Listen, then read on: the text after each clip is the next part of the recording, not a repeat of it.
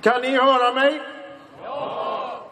Bra. Jag hoppas också att jag kommer att få höra er lite grann under det här talet. Jag tänker prata om frihet. Visst är det ett vackert ord? Nästan alla människor tycker om frihet. Det är ett sånt där ord som egentligen man bara får positiva associationer av. Våra politiker tycker också om att prata om frihet. Så mycket att det har kommit att bli ett av de mest missbrukade politiska honnörsorden. Grupper med alla bokstavskombinationer och partier längs hela den politiska skalan har velat ha patent på frihet. Allt ifrån anarkisternas dröm om absolut frihet från styre och lagar till borgerliga och liberala politikers utopi om individens frihet. Även den överstatliga Europeiska unionen har lanserats som ett frihetsprojekt med syfte att skapa möjligheter och öka livskvaliteten för EU-medborgarna. En av grundpelarna i EUs stadgar är de fastslagna så kallade fyra friheterna. Har ni hört talas om dem? De fyra friheterna som ska gälla på EUs inre marknad. Jag ska räkna upp dem. Det är fri rörlighet för varor, fri rörlighet för tjänster, fri rörlighet för personer och fri rörlighet för kapital. Och det låter kanske bra tills man börjar eh, tänka efter lite grann och ifrågasätta vad det här faktiskt praktiskt innebär i praktiken för den enskilde EU-medborgaren. Fri rörlighet för kapital heter det. Vems kapital? Ja, inte mitt i alla fall. Mitt lilla kapital som jag inte ens kan flytta ifrån madrassen och in på ett bankkonto utan att bli stoppad ifrågasatt, underkastad utredningar om pengarnas ursprung och, och, och misstänkliggjord för avancerad penningtvätt. För att inte tala om jag skulle vilja ta ut mina egna pengar ifrån den där banken. För då tvingas jag att uppvisa dokumentation och intyg på vad pengarna ska användas till och legitimera eventuella mottagare av pengarna. Och sen förbehåller sig banken ändå rätten att slutgiltigt avgöra om jag ska få ta ut mina egna pengar. Så jag tänker så här. EUs stadga om fri rörlighet för kapital, det är väl egentligen en felskrivning.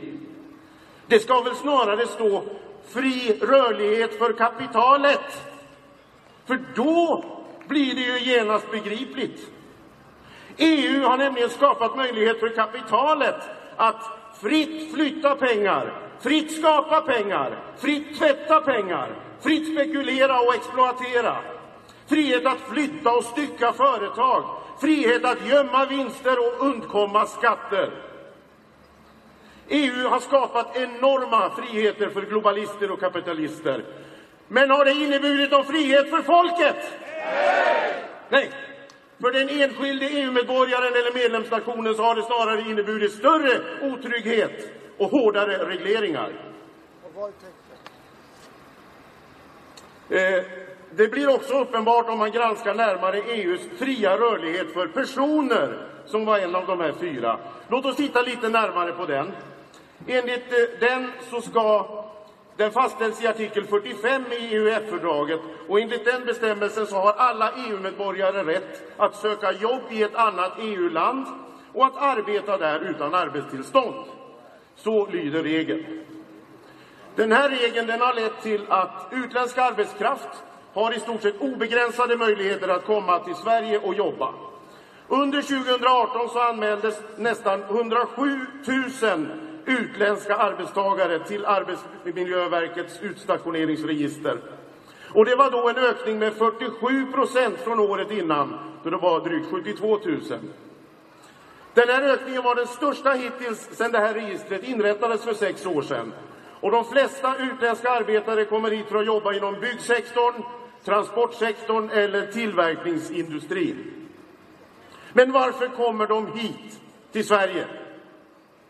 Jo, de flesta utländska arbetare handlar här i Sverige därför att de kostar mindre än de svenska arbetarna för de företag som lockar hit dem.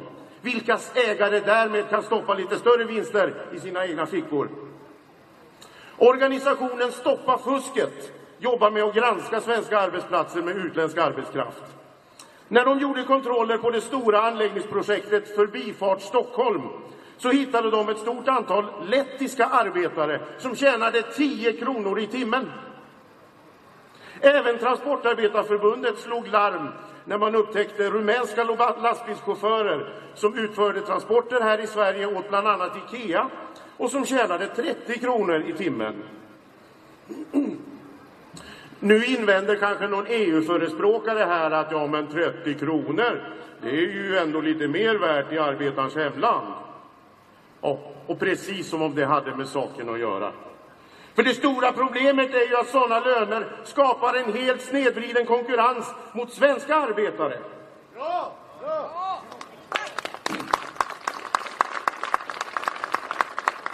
Och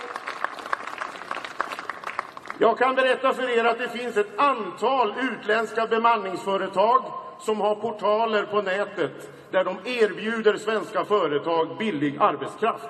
Ett av dem är Djurstas bemanning i Bulgarien. Ett annat heter Nordexa International Staffing och ligger i Litauen. Och på deras hemsida så kan man då bli erbjuden till exempel en industriarbetare för 139 kronor i timmen, inklusive allt. Och där tar ju naturligtvis bemanningsföretaget en del av den summan för sina egna tjänster. Så låt oss nu tänka, om en svensk företagare måste välja mellan att anställa en svensk arbetare som med sociala avgifter och lite annat kostar en 300-350 kronor i timmen, som kanske dessutom vill ha semester, som får för sig att vara pappaledig, eller hemska tanke, kanske till och med ska vabba. Eller att anställa en utländsk arbetare för 139 kronor i timmen, där allting ingår. Ja, och den arbetaren kanske inte heller ställer några krav, kanske inte ens kan ordet kollektivavtal. Vad tror ni då att den svenska äh, företagaren borde välja?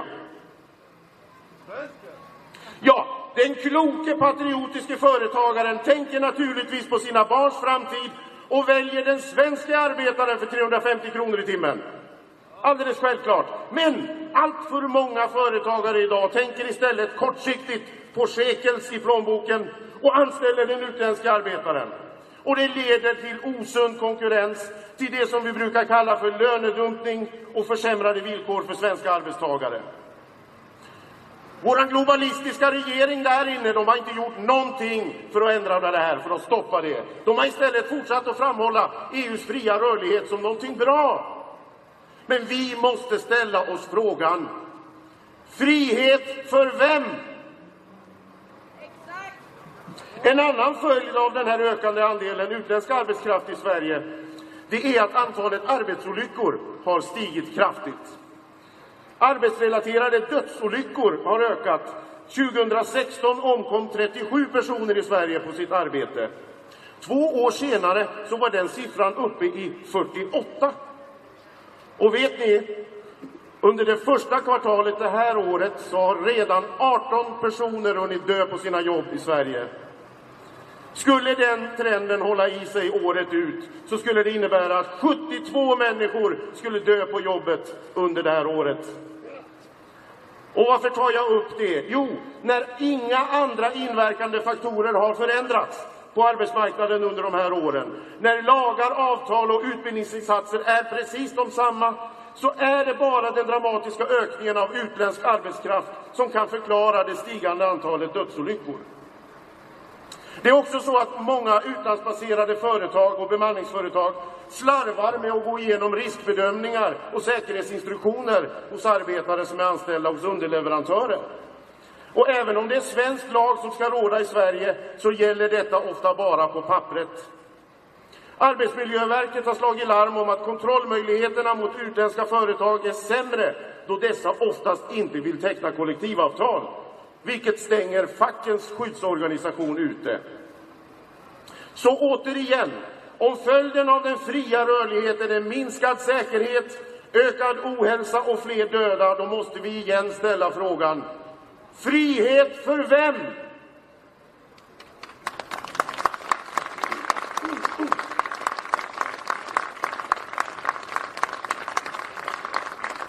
En eh, tredje konsekvens av EUs fria rörlighet är det växande antalet utländska företag som etablerar sig här i Sverige. Därför att de flesta utlandsregistrerade företag betalar inte skatt i Sverige. Och enligt Skatteverkets beräkningar så leder detta till att staten förlorar skatteintäkter på omkring 100 miljarder kronor varje år. Tänk vad vi i Sverige hade kunnat göra för 100 miljarder kronor varje år. Det hade kunnat utradera vårdköerna, skapa trygga förstklassiga skolor, bostäder åt våra hemlösa och jobb åt våra ungdomar. Men tack vare det globalistiska EU så hamnar istället dessa 100 miljarder kronor på utländska konton, hos riskkapitalbolag och i skatteparadis. Vilket säkert innebär en skön frihet för ägarna. Men innebär det någon frihet för folket? Nej!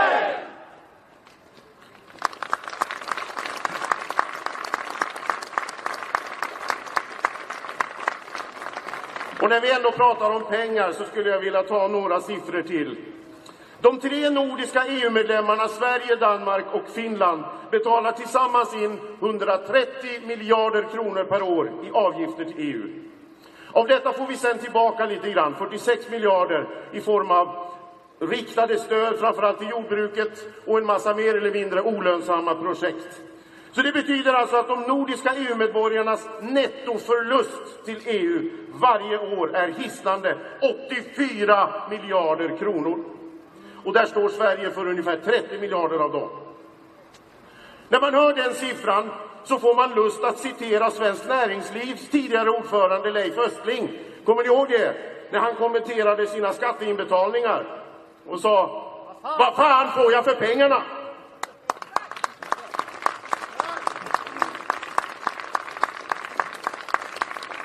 Det är kanske dags att vi nordiska EU-medborgare börjar ställa samma fråga. Vad fan får vi för de 84 miljarder som vi årligen pumpar in i EU-byråkratin? Jo, av EUs enorma budget på ofattbara en och en halv biljon kronor så går 7 procent till att avlöna hundratals EU-politikers och tusentals EU-tjänstemäns fem eller sexsiffriga löner. 35 procent pumpas ut i ineffektiva jordbruksstöd eh, till bland annat storskaliga tortyrkammarliknande djurfabriker och kemiföretagsfrämjande växtodling. Och hela 46 procent går till vad som kallas regional utveckling och transportstöd. Detta vill jag nämna något om, transportstöd. Låt oss stanna där. För att EUs fria rörlighet för varor ska kunna bli verklighet så måste man ju nämligen på något sätt trolla bort transportkostnaderna. Ja, men det måste man ju. För annars skulle ju aldrig tomater ifrån Spanien kunna konkurrera med närodlade svenska tomater i grönsaksdisken. Eller hur? Och om köttbiffen ifrån Irland skulle tvingas bära sina transportkostnader så skulle den ju kosta många gånger mer än köttbiten ifrån grannbyn i din lokala butik. Eller hur? Men det gör den ju inte. Varför inte det? Jo, det, ofta är det ju snarare så att köttbiten ifrån Irland eller Polen är till och med billigare än köttbiten ifrån grannbyn i våran butik. Och det är den bara därför att EU subventionerar de nedsmutsande transporterna. Kött som inte är producerat enligt svenska krav på djurvälfärd och antibiotikaanvändning subventioneras med våra skattepengar för att EUs fria rörlighet ska bli en verklighet. Om, om inte orsaken är någonting mycket, mycket obehagligare. Om det inte är så att det egentliga syftet är att aktivt förhindra medlemsnationerna att bli självförsörjande så att de därmed också blir mer sårbara och beroende av unionens godtyckliga fördelning. Sveriges självförsörjningsgrad på livsmedel är 48 procent idag. 4-8. Varför är den inte högre? Jo, det beror till största delen på att det är EU som reglerar vår livsmedelsproduktion. EU fastställer kvoterna för hur mycket de svenska bönderna får odla av olika grödor och hur många djur de får föda upp. Så EU sätter dessutom konkurrensen ur spel genom att subventionera importerade livsmedel så att de blir billigare i butiken än vad de inhemska blir. Vilket då i slutändan slår ut svenska bönder som går i konkurs. Då är det inte svårt att göra tankeexperimentet att om Sverige istället skulle gå ur EU, om folket tvingade fram en svexit, så skulle vi kunna använda de här 30 miljarderna som vi betalar in netto från Sverige till att stödja uppbyggandet av ett inhemskt ekologiskt hållbart jordbruk och en sund och human djuruppfödning istället. Sverige har nämligen alla förutsättningar att kunna nå en självförsörjningsgrad på minst 80, kanske 90 procent. Ja, men eh, nu är det kanske någon som har läst på det här med EU och tycker att det där låter väl populistiskt. Låter som en populist. Du pratar förenklat. Det, förenklat. det här är komplicerade saker. Ja, säger jag då. Jag är populist.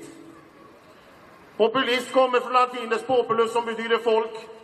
Populistisk betyder folklig. En som talar till folk, för folk. Vad är det för fel med det?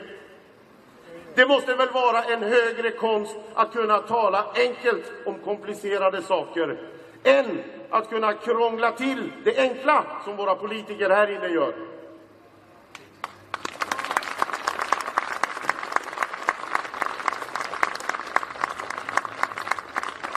Så om jag ska sammanfatta de här punkterna som jag har gått igenom så skulle vi kunna säga så här. Utanför EU så skulle vi kunna bli nästintill självförsörjande. Vi skulle kunna skapa en fungerande arbetsmarknad med schyssta villkor och vi skulle kunna återta kontrollen över våra egna gränser. Stoppa den påtvingade massinvandringen och börja trycka returbiljetter.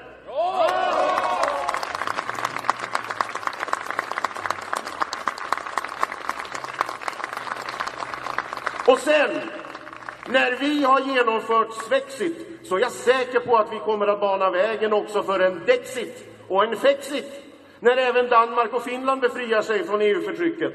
Och det skulle ju öppna vägen för ett långtgående nordiskt samarbete där även Norge och Island skulle ingå. Med målet att så småningom kunna bilda en nordisk stat. Ja!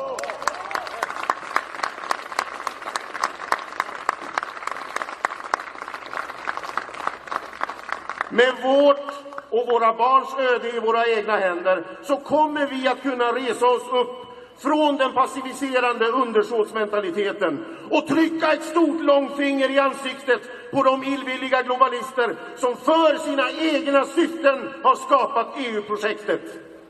Vi kommer att kunna sätta stopp för sionisternas, bankirernas, frimurarnas och spekulationskapitalisternas försök att utplåna de suveräna nationalstaterna.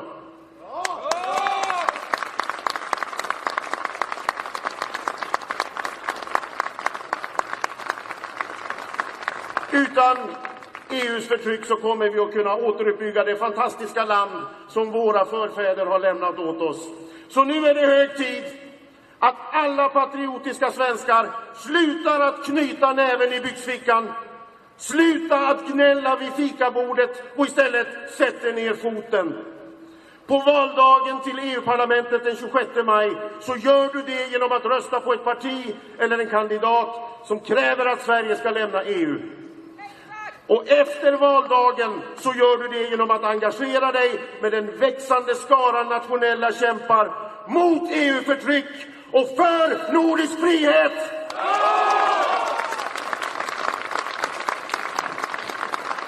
Tusen tack Emil, det var ord och inga visor.